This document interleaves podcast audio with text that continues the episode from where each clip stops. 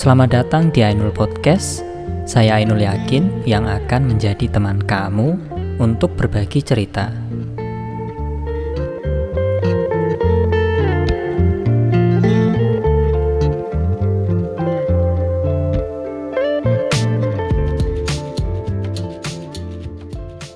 Assalamualaikum warahmatullahi wabarakatuh. Selamat datang di Ainul Podcast podcast yang berisi tentang cerita pengalaman kerja, cerita selama tinggal di Korea, dan cerita selama karena saya mahasiswa di sini, uh, saya juga akan berbagi pengalaman tentang perkuliahan di Korea Selatan.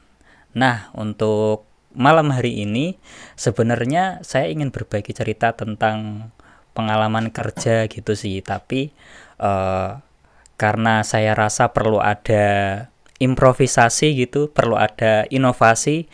Nah, malam ini saya sudah mengundang salah satu teman saya yang sudah sangat senior di Korea nih.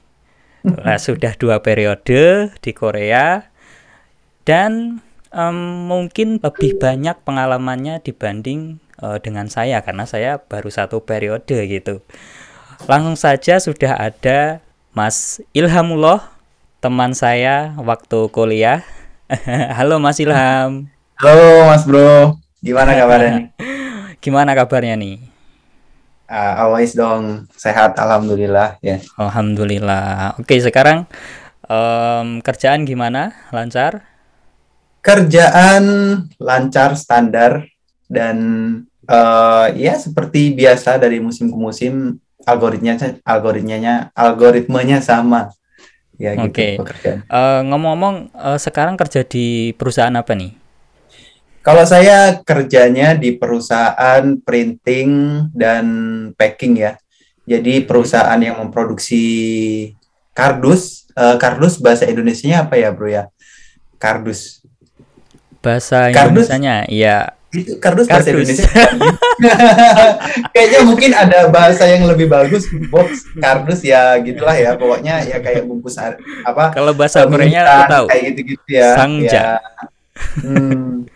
pokoknya kalau di Korea sebutnya kan pakse gitu yeah. kalau iya. bahasa Koreanya cuman kalau bahasa yang aku yang aku kenal itu ya kardus gitu jadi mulai dari produksi ada packing juga dan ya pendistribusian juga gitu oke okay. nah uh, Mas Ilham kan udah lama nih di Korea nih kira-kira hmm. um, gimana rasanya selama tinggal ya selama kerja di Korea uh, ada nggak kesan pesan uh, yang mungkin berkenan gitu atau paling berkesan selama Mas Ilham itu tinggal di Korea?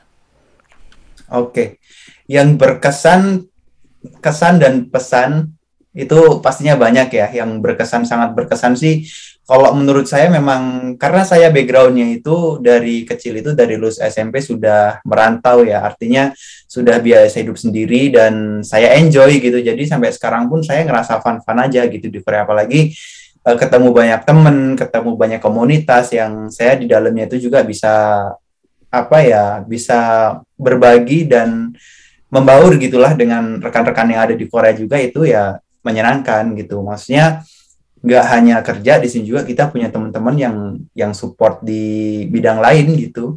Itu sih yang yang bikin kita happy juga di sini gitu. Oke saya sangat setuju nih karena uh, memang banyak ya di sini komunitas-komunitas kemudian organisasi-organisasi uh, bahkan juga kalau kita pengen uh, mungkin uh, ingin pingin upgrade uh, skill yang kita miliki gitu. Pengen belajar apa fotografi pengen hmm. belajar masak pengen belajar apalagi mas pengen belajar usaha. Semuanya usaha, sudah ada di sini ya, usaha. ya bener ya? Ya ya benar nah itu menurut saya juga sangat apa ya nggak um, nyangka gitu.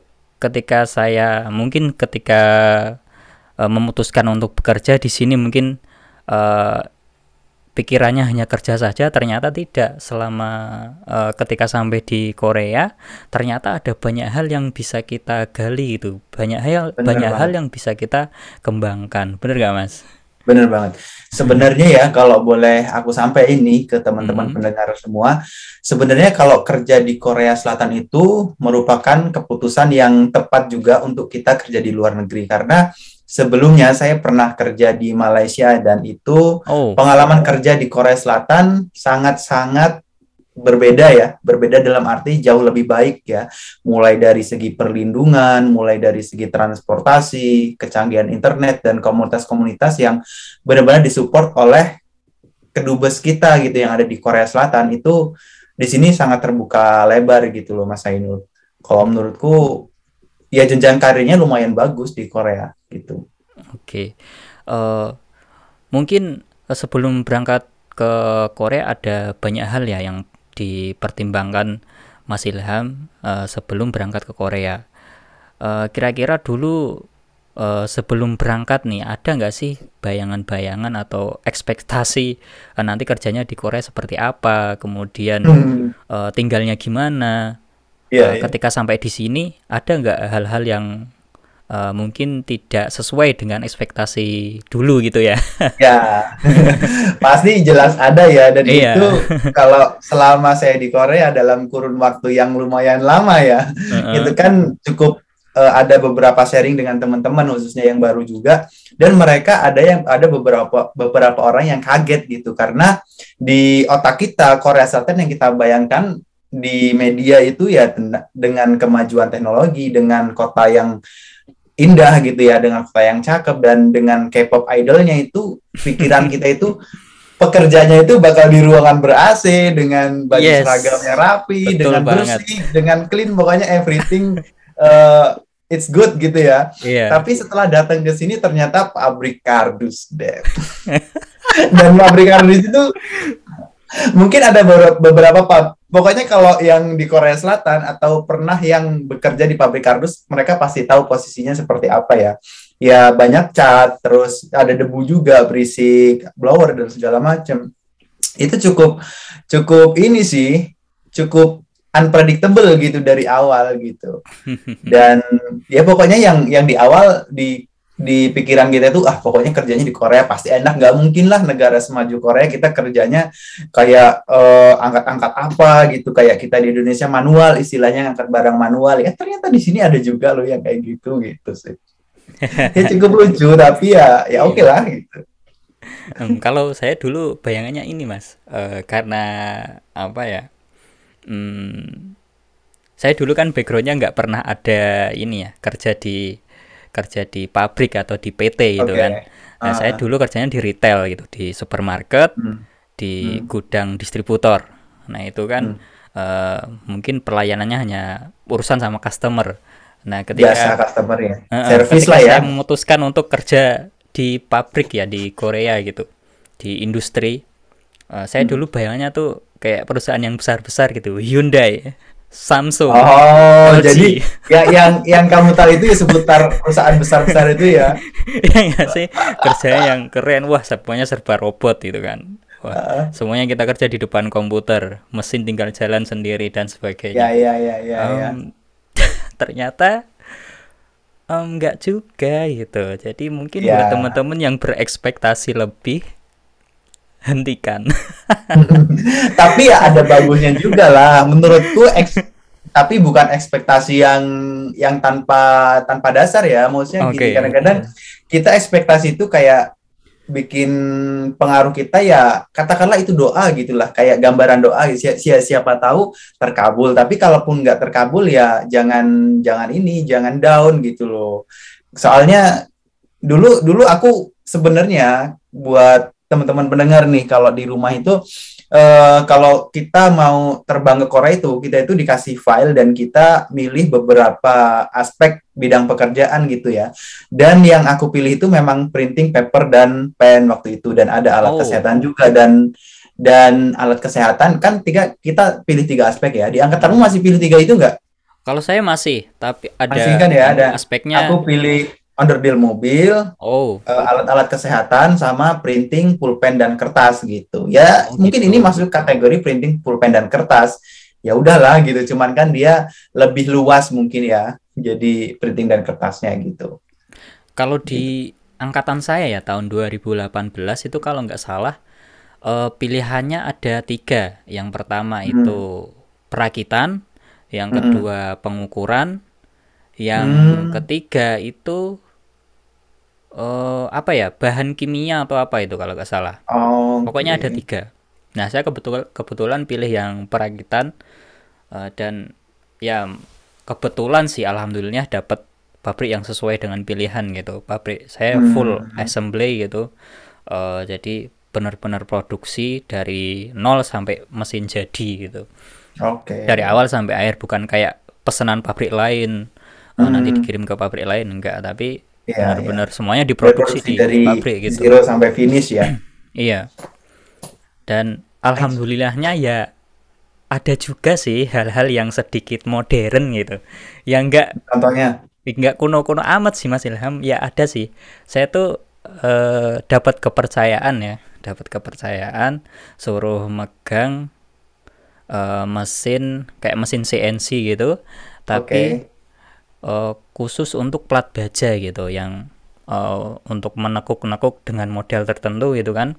Hmm, Mungkin kalau saya gambarkan kayak contohnya apa ya? Contohnya mungkin em, ini CPU komputer. Nah, CPU komputer itu kan bentuknya kayak kotak gitu kan. hmm, Nah, dari baja gitu. Nah, itu biasanya ditekuk pakai mesin dan itu otomatis gitu. Dari lembaran kemudian jadi kotak seperti itu. Nah, itu saya didapat kepercayaan seperti itu. Kerjanya eh, saya tinggal eh, ngontrol di Ya, lah ya. komputer ya habis itu ya tinggal nungguin aja barangnya jadi kemudian kita tata kemudian ada juga nih apa ya robot las nah mungkin juga hmm. banyak kok teman-teman yang di sini pakai robot las gitu ya jadi ngelasnya nggak manual dan Iya. itu mungkin salah satu hal yang lumayan modern juga yang kita dapatkan Mhm. ketika bekerja di Korea gitu mas Um, Istilahnya itu something good ya lah ya, something Mm-mm. good, uh, sesuatu yang nggak diprediksi sebelumnya gitu. Betul, betul. Kemudian apa ya? Ya. eh, pengalaman selama ini saya kayak merasa kalau di sini itu keamanan itu adalah benar-benar yang paling utama gitu. Ya benar. Ketika kita eh, dalam situasi kerja gitu, merasa ada hal-hal yang kurang aman atau ada yang berantakan itu kita pasti selalu diomelin, bener gak mas? Hmm. Karena apa? Eh, orang Korea itu ternyata eh, menurut saya adalah sangat sangat perhatian gitu. Apalagi kita kan orang asing gitu. Jangan sampai kecelakaan kerja, jangan sampai terluka, jangan sampai sakit. Intinya benar-benar apa ya diperhatikan. Itu selama eh, itu menurut pengalaman saya selama bekerja di Korea gitu, Mas. Nah, mungkin kalau Karena dari Mas memang- Ilham sendiri gimana nih? Kira-kira karakter orang Korea gimana, Mas? Iya, sebelum ke karakter mungkin tadi nambahin omongan kamu itu ya. Itu Hmm? eh, sebenarnya kalau dari kerapihan di tempat kerja atau keselamatan itu ya, itu memang apa sih? Kalau menurutku runtutannya banyak ya. Itu kan Hmm. tergantung kalau kecelakaan kerja nih, misal kita sembrono eh, mengoperasikan mesin atau teledor segala macam itu kan nanti bisa kejadian kecelakaan kerja dan kalau kecelakaan kerja orang Korea itu sangat taat hukum ya guys. Betul. Saat ta- boleh guys nggak sih? Boleh, sangat boleh. hukum dan soalnya nggak usah guys guys gitu jadi kayak agak harus guys tetap guysnya gitu. Boleh dong. Kayak kayak mereka harus tetap taat hukum dan ketika terjadi kecelakaan kerja, let's say tangannya jarinya satu kepotong atau Hmm. gimana dan mereka itu memang harus bayar penalti gitu. Jadi Hmm. mereka sangat berhati-hati mengantisipasi itu juga sih kalau menurutku gitu. Jadi eh, keselamatan kerja kalau memang apa sih yang berhubungan dengan cat biasanya dia pakai masker yang safety juga kan. Betul. Maskernya beda dari masker yang Hmm. sekedar eh, buat menghalangi debu itu. Dan kalau eh, ke karakter orang Korea sendiri, kalau di dunia kerja di ruang lingkup pabrik, mungkin kalau dunia kerja di perkantoran mungkin nggak tahu beda atau enggak ya. Sistem kan sistem kerjanya dan pembawanya kan mungkin juga beda ya. Dan kalau tapi kalau di eh, dunia pabrik, dunia pekerjaan itu mereka yang pertama itu yang paling diingat dari awal sampai sekarang itu kita itu harus kerja harus cekatan. Meskipun kita nggak bisa cepet tapi kalau cekatan itu orang Korea tuh sangat seneng gitu loh. Nggak nggak nggak seneng banget mereka ngelihat kita itu yang kerjanya lemot-lemot terus nggak gampang apa sih nggak gampang nangkap sinyal gitu istilahnya. Iya. eh beres satu harusnya cepet ngapain kita itu harus sudah Iya. bisa tahu gitu loh. Mereka itu sangat nggak suka kalau misalkan kita itu beres satu terus agak bengong dulu ngapain Iya. gitu, apalagi sambil eh, merokok atau gimana gitu-gitu kan mereka sangat ini sih sangat pengen kita itu kerjanya cepet, rapih dan apalagi cepet, rapi dan dapat banyak lah gitu. Betul, dapat Begitu banyak sih, dan itu yang kualitasnya harus sesuai, Mas. Iya, kualitas juga. gitu. Harus cepat kerjanya. Ya jadi mungkin itu ya salah satu karakter orang Korea yang bisa dibilang apa sih?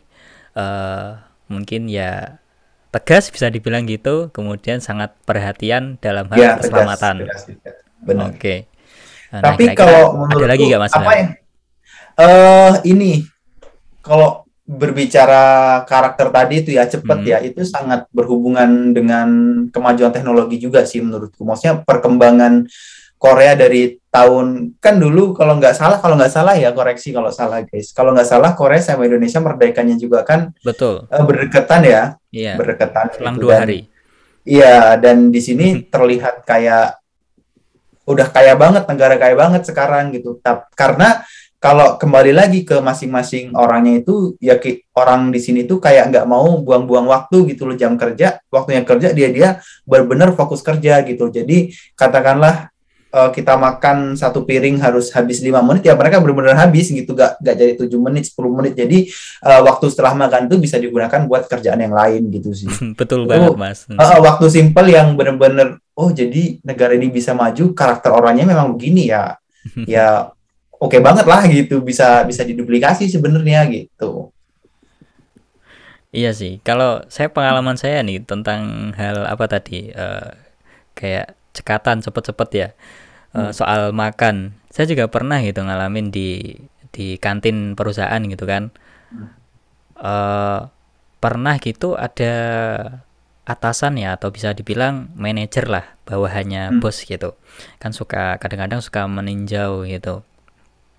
Eh, dan itu kadang-kadang suka pakai mic Mas Ilham, pakai mic. Maksudnya itu kan biar ngapain di di kantin di kantin itu kan eh, eh, jadi satu juga sama auditorium gitu buat ruang Oke. rapat besar itu kan. Jadi kan ada mikrofonnya ada eh, ada panggungnya juga ada layar monitornya juga itu Hmm. kan. Eh, buat nginstruksi semua karyawan kalau pas ada rapat eh, bersama gitu. Emang karyawannya ada berapa di situ? Ada Lebih sekitar dari dua 30. ratusan sih oh iya bener. Serius? Iya. Itu rame banget cuy. Wih beneran rame banget. Ya ampun gila. Kalau teman tuh cuman di bawah 15 orang? Di pabrikku itu sip makan ada empat mas.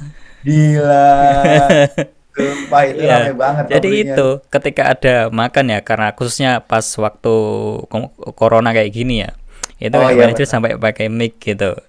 Eh, ya mohon segera cepat-cepat makannya, jangan main HP, jangan ngobrol dengan sampingnya dan sebagainya gitu. Kan. karena memang mereka Mohon segera sangat menengga- meninggalkan tempat makan gitu. eh, sangat apa sih respect banget lah orang Korea Iya. terhadap corona waktu corona ini benar-benar Iya, khususnya waktu corona jangan, wah. eh, eh, jangan sampai makan ini berlama-lama kumpul sama orang gitu kan Hmm. kalau makan posisinya semua buka masker gitu loh jadi eh, di mana kita nggak pakai masker kalau bisa itu ya cepet-cepet gitu loh jadi makan waktu waktu covid ini juga jangan sampai lama-lama deh gitu Iya. tapi setelah vaksin ini kayaknya agak agak menurun sih mereka tingkat Hmm. tingkat worry-nya agak menurun sih Oh, belum vaksin. tentu. Setelah maksudnya nggak nggak nggak berlaku di seini dulu gitu saya. loh, nggak nggak se kalau tempatku udah udah kayak agak ini ya mungkin agak agak berkurang mereka ininya ya paniknya gitu Perusahaan Gitu saya itu Mas dari awal Corona karena nggak meningkat ya. orangnya Iya, dari awal corona meningkat itu eh, setiap ada liburan ya. setiap Ya. ada liburan solal, liburan musim panas, liburan susok atau liburan musim dingin gitu kan. Sebelum liburan itu pasti ada eh ini kayak red alert dari pabrik sendiri gitu masuk ke Kakao Talk atau ke SMS gitu kan. oh ya diharap menghindari jadi se- tempat-tempat semua nomor handphone ini. di record sama pabrik dong Betul, semua punya datanya dong punya. males kan. banget dapat eh, peringatan jangan ke sini, jangan ke sini, jangan ke sini. Oke. Jangan ke Seoul terutama. terutama iya Aduh, wah, bener, nggak Saul. boleh ke Seoul pokoknya kalau ada yang ke situ eh, sebelum kerja Harus harus. PCR gitu Hmm. Nah, makanya itu kadang-kadang yang bikin apa ya? eh, saya sendiri sebagai eh, pekerja asing gitu kan biasanya kalau libur kan harus ketemu dengan teman-teman, harus Benar. melepaskan apa sih? melepaskan ke apa ya? Penatan rasa lah, capek, rasa istilahnya. penat gitu kan, rasa kangen dengan teman-teman juga. benar Kadang-kadang kalau dibatasi kayak gitu kayak eh, ya udahlah nekat gitu. Ada rasa nekat untuk keluar. Yang penting eh, tetap hati-hati nanti ketika itu PCR gitu. Nah kadang-kadang sudah PCR sudah lapor masih nggak percaya masih Ilham oh ya dipanggil ke kantor lagi. parah banget Kamu habis dari mana? Dari ini, dari ini, dari ini. Oke, kantor dulu. Rapid test lagi.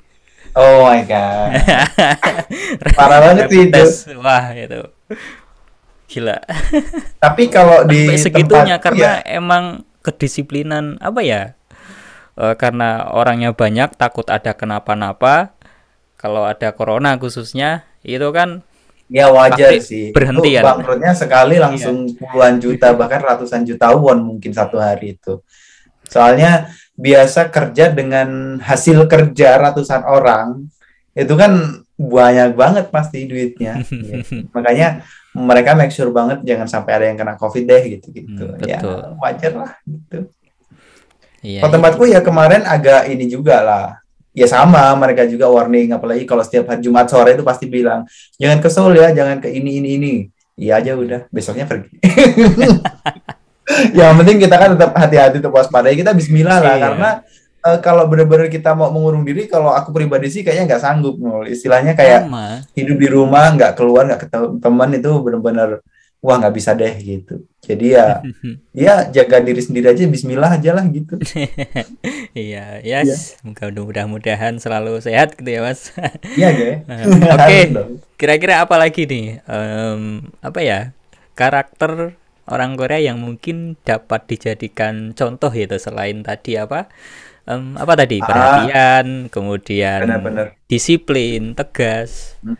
Em, apa lagi ada lagi sih mereka sangat orang Korea itu sangat menghormati orang yang lebih tua ya. Jadi Hmm. sebenarnya orang Indonesia pun eh, karakter itu sudah dibina sejak dini ya. Bahkan betul. jarang lah istilahnya orang dalam tanda kutip yang kurang ajar sama orang tua gitu. Tapi orang Korea bener-bener mereka itu hormat banget sama orang tua gitu ya. Iya. Bahkan di tempatku itu ada mandorku ya. Mandorku memang orangnya sudah tua dan dia juga mandor which is punya jabatan maksudnya gitu. Jadi dia itu benar-benar sama orang-orang di pabrik itu benar-benar jadi udahlah pokoknya dihormati banget dihormati dan ditakuti gitu loh. Kalau misalkan mandor atau katakanlah eh, apa ya bahasa lain selain mandor ya mandor atau kepala kepala divisi mungkin katakanlah itu. Kalau misalkan orang yang masih muda eh, orang yang masih muda kan mungkin eh, tingkat hormatnya itu belum double lah ya ya masih seginilah katakanlah. Cuman kalau misalkan orang udah lebih berumur lagi mereka lebih respect dan lebih hormat lagi Hmm. gitu. Itu sih yang salut sama orang sini sopan sopan banget sebenarnya. Sopan banget. Meskipun sama kita ya yang bukan satu rumpun mereka gitu sama orang asing juga Hmm. mereka tetap sopan gitu. Itu sih yang salut juga. Pernah ada junior orang Korea ya mas? Ah pernah. Pernah itu- mereka ya pasti mereka kan juga tetap apa ya kayak karena kita lebih tua ya tetap menghormati gitu kalau pengalaman Hmm. saya sih gitu juniornya ya kita seumuran gitu ya beda Hmm. beda bulan aja sih kemarin sama orang Korea ya ya saling ini aja sih karena umurnya juga kan istilahnya kita bukan remaja lagi ya bukan teenager atau orang-orang yang baru eh, mencari jati diri sosok jago gitu-gitu ya ya dalam dunia kerja kita juga saling menghargai aja sih Hmm. gitu orang Korea juga dia mungkin gini ya mungkin ada orang yang berpikiran orang Korea nggak mau diajarin sama orang asing karena secara kasta ini negara gue gitu lo kerjanya di sini gue lebih inilah istilahnya gitu ya aku lebih ini nih derajatnya segala macam gitu. Tapi mereka enggak mereka kalau diajarin itu ya ya dengerin juga gitu karena secara pekerjaan memang kita yang lebih tahu waktu itu gitu kan. Jadi aku memang benar-benar ngajarin loh benar-benar ngajarin ini kalau misalkan kan mainnya kan ukuran juga ya. Iya. jadi kalau ukur di sini ini harusnya dibagi dua terus dikali lagi di gini gini gitu. Mereka cukup dengerin dan ya ya saya thank you juga lah kalau misalkan. Nah itu yang mungkin harus dibudidayakan di Indonesia juga ya setiap habis kerja mereka itu bilang thank you gitu. Mm. ya istilahnya good job lah gitu Iya. setiap akhir kerjaan gitu kan suhaseo gitu gitu itu Betul. itu simple sepele tapi sebenarnya itu berkesan dan berarti sih sebenarnya Iya. Hmm. Saya juga ada pengalaman nih Mas, karena saya kan sudah apa ya eh, bisa dibilang karena udah lama dan eh, diajarin itu tadi karena kerjanya pakai komputer dan saya sudah terbiasa gitu kan. eh apa ya? Ketika dapat dapat junior gitu, ketika dapat orang baru yang ditempatkan bareng saya gitu. em, saya dapat pengalaman menarik dan berkesan gitu Eh, ketika ada orang tua ya bapak-bapak udah sepuh itu Hmm. eh, kalau di sini kita nyebutnya apa alba kalau bahasa Indonesianya itu Oh. mungkin paruh waktu Pak ya kerja paruh waktu gitu-gitu Hmm. ya paruh waktu itu kan udah sepuh ya kan sebagai apa ya sebagai mungkin senior di situ ya saya apa namanya ya mungkin sama kayak Mas Ilham tadi eh, memberikan arahan dan ngajarin mendidik lah ya mendidik dan sebagainya itu juga kayak apa ya nggak ada rasa egois gitu dan apa namanya em, membantah meskipun kita ada keterbatasan untuk komunikasi gitu kan. Kadang-kadang kan kita Hmm. eh, ngajarinnya eh, susah kan. Ada ada sedikit suka susah karena keterbatasan bahasa. Kadang-kadang em, apa namanya dengan hal-hal yang lain gitu. Mungkin saya eh, traktir ngopi gitu kan kan di pabrik Oke. saya itu kan ada tempat ngopinya mas ada tempat buat beli kayak kopi yang kopi koin gitu lah Ya, ya kopi shop gitu kan koin. Nah, hal-hal sederhana itu itu yang bikin mereka terkesan gitu. Selama Benar. mungkin satu bulan atau dua bulan kerja bareng saya gitu kan, karena saya eh, bisa dibilang atasannya dia. Ketika sudah selesai, itu eh, pamitan bareng saya gitu. Eh, Hmm. Terima kasih ya gitu, intinya gitu. Terima kasih, yakin udah apa eh, ngajarin saya, udah membantuin kerja dengan jadi baik kerja di situ saya cuma dua bulan eh, saya sangat seneng kerja di sini gitu. Hmm. Wah, saya tuh kayak apa namanya? Kayak wah ya Allah gitu, seneng banget. terharu lah ya Iya. memang orang orang Korea itu Soalnya mereka kalau dia juga udah- ada pengalaman ini Mas, ini saya lanjut dulu ya. Dia Hmm. kan eh, karena part time ya, karena paruh waktu biasanya kan suka dioper sana, oper sana, oper sana gitu kan. Iya benar Nah, ketika dapat eh, katakanlah atasannya eh, orang Korea sendiri gitu kan, orang Korea kan mungkin agak sedikit eh, apa ya tegas dan ceplas-ceplos gitu. Hmm. Nah karena dia udah sepuh gitu kan, bapak-bapak itu eh, cerita sama saya, aku nggak nyaman kerja sama dia itu. Saya lebih hati nyaman ya, di sini gitu. Wah, Kok gitu ya? ya seneng banget gitu, rasanya dapat pengalaman kayak gitu mas. Hmm. Ya itu sih, jadi eh, orang Korea juga mereka sering ngasih makanan juga ya. Hmm. Mayoritas Oh iya. eh, yang kerja di di pabrik juga mereka sebenarnya bukan orang asli di sini gitu. Jadi ada beberapa dari mereka juga yang sebenarnya punya kampung halaman gitu loh. Oh Jadi betul, kalau betul, entah betul sebulan sekali, entah pas liburan mereka itu Hmm. eh, kayak pulang kampung, kayak mudik, entah ada acara hari besar atau ya acara keluarga mereka gitulah. Iya. Mereka kalau balik itu kadang-kadang bawa apa sih ubi-ubian terus Ya, apa betul, mereka betul, betul. ngasih. Saya Dan- sering dikasih dan kalau dan- gitu dan- mas. ya dan kalau kita dikasihnya seneng mereka itu juga seneng banget Hmm. gitu jadi eh, kalau misalkan orang sini kalau ngasih ya diterima-terima aja deh gitu Hmm. meskipun dimakan atau enggak gitu ya terima-terima aja deh mereka tuh seneng kalau udah ngasih-ngasih gitu. Iya, senang berbagi sih. juga sih. Ya, orang tapi ya one thing dari tadi Apa? kita ngomongin eh, karakter mereka yang yang cenderung lebih ke positifnya ya sebenarnya ada yang negatif juga cuman ini sebatas antisipasi mungkin ada beberapa teman-teman yang pengen kerja di Korea biar mentalnya siap juga gitu loh Mm-mm. maksudnya ada beberapa karakter dari mereka itu yang eh contohnya kalau misalkan dalam dunia kerja mereka itu ngajarinnya itu pengennya itu kita itu cepat bisa gitu loh. Hmm. Jadi sekali ngajarin, sekali ngasih tahu biasanya udah gitu mereka. Sedangkan kita kan belum terbiasa dengan kerjaan itu ya. Jadi dengan kata-kata apa kata-kata mutiaranya itu yang setiap hari kita dengar. Jadi nanti kalau kalian udah ke sini pokoknya ada kata-kata mutiara yang kalian dengar setiap hari guys itu kalian harus mulai terbiasa gitu ya. Iya. Kalau kalian baru pasti pasti sering dapat kata-kata mutiara itu. Betul. Dan, dan sebut gak sih kata-kata mutiaranya tuh?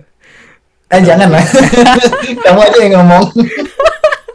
dan pokoknya mereka itu memang benar-benar kita itu harus bisa bahasa. Yang pertama buat komunikasi dan yang ketiga kalau eh yang kedua kalau orang Korea itu bilang kita itu nangkep apa yang mau, apa yang dia mau gitu ya. Cuman kalau saya kan berhubung uh, bahasanya kurang dari pertama datang juga nggak nggak terbiasa ngomong pakai bahasa Korea jadi uh, nah cara aku nangkep respon ke dia itu agak agak lambat, agak susah gitu. Jadi sering kena marah dulu itu. Cuman kalau kalau kerjaan udah terbiasa sebenarnya ya kita bisa kerja sendiri sih meskipun nggak diajarin gitu. Cuman hmm. awalnya itu untuk adaptasi kita bisa kerja itu yaitu uh, mental banget sih sebenarnya. Kita harus hmm. punya mental banget.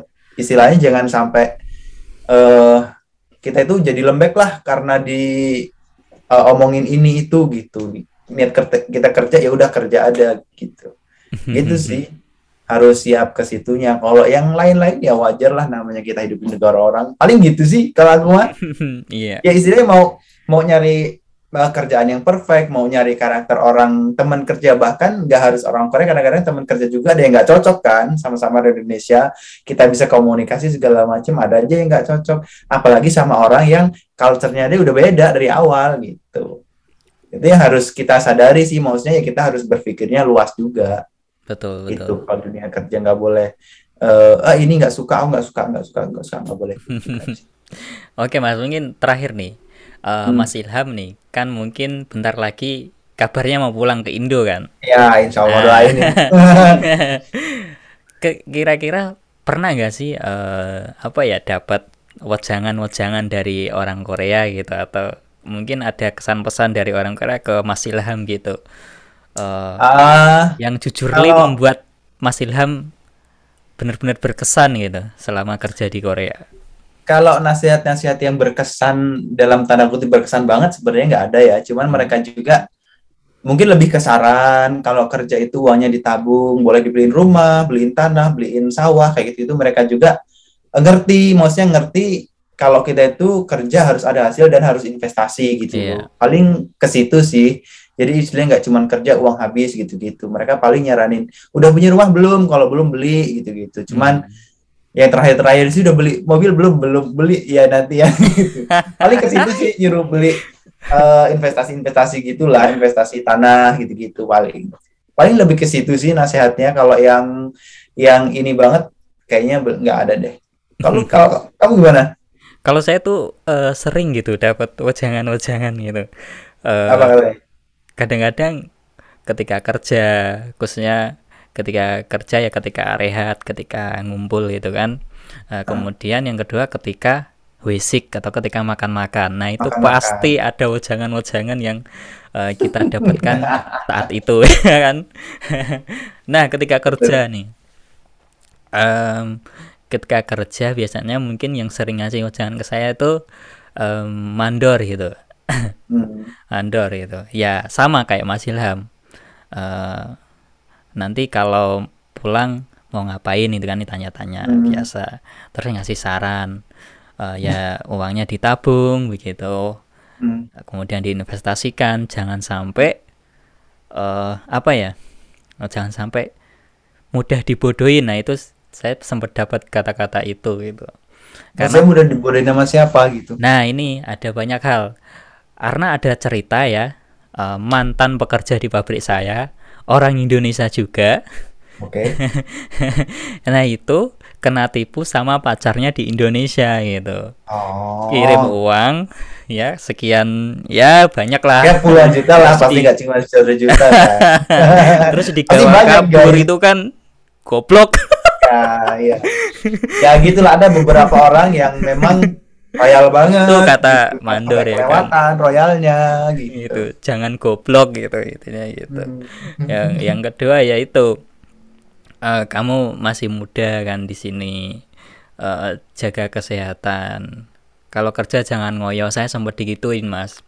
Karena kan eh, orang kira kalau ngelihat saya kerja katanya eh, terlalu terlalu rajin katanya gitu orang-orang asing tuh eh, sering digituin. Kalau capek ya eh, istirahat. Kalau apa namanya eh, badannya nggak enak nggak usah lembur nggak apa-apa gitu. Itu jangan mending banget. Justru Iya. kalau mandorku itu malah kayak dakjal banget udah ini. Kerjanya itu pokoknya gimana aduh, tuh? lama pokoknya dia tuh berbeda paham banget deh. Pokoknya Oh, gitu. berbeda paham banget sama dia. Dia tuh kerjanya pengen cepet eh, bagus rapi. Eh, pokoknya nggak mau inilah pokoknya harus cepet gitu. Aduh sampai kadang-kadang kita itu kesalnya gini kesalnya kan pabrikku eh, kadang-kadang kalau lagi banyak barang datang datang sekali. Satu hari dua hari datang banyak. Nanti tiga hari ke belakang surut banget gitu barang barang eh, calon paksanya tadi ya mau dikerjain gitu. Jadi dan karakter mandorku itu orangnya begitu jarang banyak ba- barang datang banyak ya udah dikerjain sehabis-habisnya gitu loh. Jadi yang pertama kita kerja mati-matian besoknya kita nggak ada kerjaan bingung dia marah-marah pula ngeliat orang duduk-duduk. Gitu yang yang bikin kita tuh keselnya ke mandor itu. Itu sih karakter yang ya mungkin ya ya itu ya nggak banget ya lah. karakter di mana pun orang pasti beda-beda gitu. Iya itu nggak banget deh. Makanya kadang-kadang kita sering kesel sendiri gitu. Hmm. tapi ya ya udahlah udah tujuh tahun lebih juga ya mau ngapain lagi. Udah dihabisin aja kontrak dan udah. Udah banyak namanya, tabungannya. Tamat gitu. Amin amin. Gitu habis itu udah tamat gitu aja sih. Udah nggak mau cari perkara lagi gitu. Nah, kemudian kalau basic nih mas, kalau basic saya juga ada cerita menarik nih. Kalau basic tuh ya, kalau makan-makan ya, kalau mungkin Hmm. orang Indonesia taunya mukbang gitu ya, mukbang boleh itu bakar-bakar daging itulah. eh, Barbecue di lah ya. Restoran. Nah itu biasanya adalah momen di mana orang Korea benar-benar jujur. oke Bener gak sih mas? Mas Ilham ngerasa gitu mungkin kan? ya mungkin iya mungkin Jadi eh, ketika saya kan sering diajak apa ya makan-makan tapi bukan yang satu tim tapi untuk Hmm, mm, beberapa orang gitu. Oke I janjian know. tiga atau empat orang gitu. Nanti yakin ikut ya gitu. Oh ya ikut gitu. Wah ngobrol-ngobrol mereka udah mungkin setengah agak miring gitu kan. Terus kadang-kadang suka keluar kata-kata ah saya kerja kerja sama si ini si Iya. ini si ini tuh nggak nyaman, nggak nyaman gitu. Ini gini gini gini gini gitu. Nah saya kalau kerja sama yakin ya sama saya gitu kan itu enak gini gini gini. Saya yakin itu 100% suka gitu. Seneng banget itu. Back pro gitu ya. Ya back pro coba gitu. back pro. Jadi kalau orang Korea itu bilang bilang ini 100% itu pro gitu. Bukan persen pro. Iya. Terus jadi ya eh, gitu ini- guys. Apa namanya? Eh bentar ya kalau memang kalau untuk pabrik yang orangnya banyak itu kan biasanya memang dibagi per unit atau per tim Hmm. gitu ya kayak kayak kamu itu makanya makan-makan itu cuma berapa orang gitu Iya. karena itu memang timnya di di unitnya Ainul itu ya cuma segitu gitu Iya. kayak eh, di pabrik sebelahku juga gitu jadi mandornya ada beberapa dan bahkan libur pun kadang-kadang beda meskipun satu pabrik itu Hmm. karena eh, timnya juga beda gitu sih iya. terus lanjut Ke- kemudian saya juga pernah kayak gini ya dianggap apa sih Eh, dianggap kalau kata mereka tuh gini pernah bilang sama saya eh, yakin gitu. Kamu Hmm. kalau ada apa tuh bilang sama bapak ini. Bapak. Bapak. oke. Saya dia dianggap anak gitu. Oke. Ya. Udah kalau kalau capek gitu kan kalau sakit itu ngomong jangan dipendem gitu kan. Iya sambil gitulah rada-rada marah gitu. Kamu tuh kerjanya terlalu apa sih terlalu goyo ya. kadang-kadang. Kadang-kadang suka marahin kamu tuh masih muda. Nanti tapi di pabrikmu itu. ada ada semacam reward tahunan gitu nggak buat orang kerja yang rajin buat apa pekerja yang berprestasi dalam tanda kutip? Itu ada nggak sih? Oh itu mm, ada sih. Cuma Ada. apa sih Em, momen-momen tertentu ya. Kalau bonus Oh. tahunan itu pasti ada, tapi kalau untuk loyalitas kemudian prestasi mungkin itu eh, nggak tentu itu. Hmm. Kalau kemarin Soalnya waktu itu sempat kemarin sempat khusus ini orang asing ya. dapat mas Eh, setelah eh, saya empat tahun gitu ya sebelumnya nggak pernah ada tapi tiba-tiba dapat semua orang asing Oh. dikumpulin itu kan ini reward buat semua orang asing gitu jangan Oh. bilang-bilang ke orang Korea yang lain gitu. Eh diem-diem. Iya, Nah, soalnya waktu itu pernah sekalinya tahu dan dan baru kali itu tahu gitu. Maksudnya ada ya maksudnya di di satu pabrik terus orang karena kerjanya bagus terus dia dikasih penghargaan gitulah. Iya, ya ada, uang ada. sih waktu itu nominalnya cuman nggak tahu karena di amplop dan kayak ada piagam gitu. Wih, lucu juga ya. Dan itu memang disaksiin karyawan yang lain juga dan itu wow ini apresiasinya luar biasa sih menurutku gitu. Nggak kebayang kalau di sini ada. Aduh kayaknya gua terus deh yang menang. Aduh. Oke lah, tapi mungkin itu aja ya yang bisa kita sampaikan malam ini. Karena memang kalau kita ngomongin dunia kerja di mana pun itu ya pasti banyak banget sisi positif dan negatifnya gitu. ya bener lah Iya, di Korea juga sama gitu. Pasti ada enaknya, ada nggak enaknya. Jangan Hmm. kira di Korea itu, wah Korea kerjanya enak, gajinya banyak. No, no no itu just case tidak Jadi, mungkin. ya ya ya disiapin mental aja lah yang penting jangan jangan cengeng lah istilahnya Iya. Karena di Jangan sini gampang. saya merasa apa yang kita kerjakan itu sesuai dengan upah yang kita terima. Bener gak mas? benar Ah. Oke. jadi worth it lah dipertahankan gitu ya kan Iya, itu mungkin ya eh, teman-teman semua. Em, terima kasih banyak buat teman-teman yang sudah mendengarkan podcast ini Hmm. dari awal sampai habis. Eh, mungkin yang belum nyimak podcast saya di episode-episode sebelumnya, silahkan diklik juga boleh. Sudah banyak hal-hal yang saya ceritakan dan mungkin eh, ke depannya saya akan berbagi lebih banyak lagi tentang pengalaman kerja, pengalaman selama tinggal di Korea Selatan. oh Nah, nice. Seperti biasa di sini saya dan Mas Ilham hanya sekedar berbagi cerita, berbagi pengalaman. Siapa tahu dengan berbagi cerita banyak pembelajaran yang bisa kita dapatkan. Gitu ya Mas Ilham? Betul banget. Cakep banget. Nah, ini udah udah jadi eh, pembawa acara profesional ini. Mas. Wah, Aduh, mantap. oke lah. Kalau gitu, terima kasih Oke, buat you, semuanya. Udah Selamat malam. Oke. Sampai jumpa di episode selanjutnya. Wassalamualaikum warahmatullahi wabarakatuh. Waalaikumsalam warahmatullahi wabarakatuh.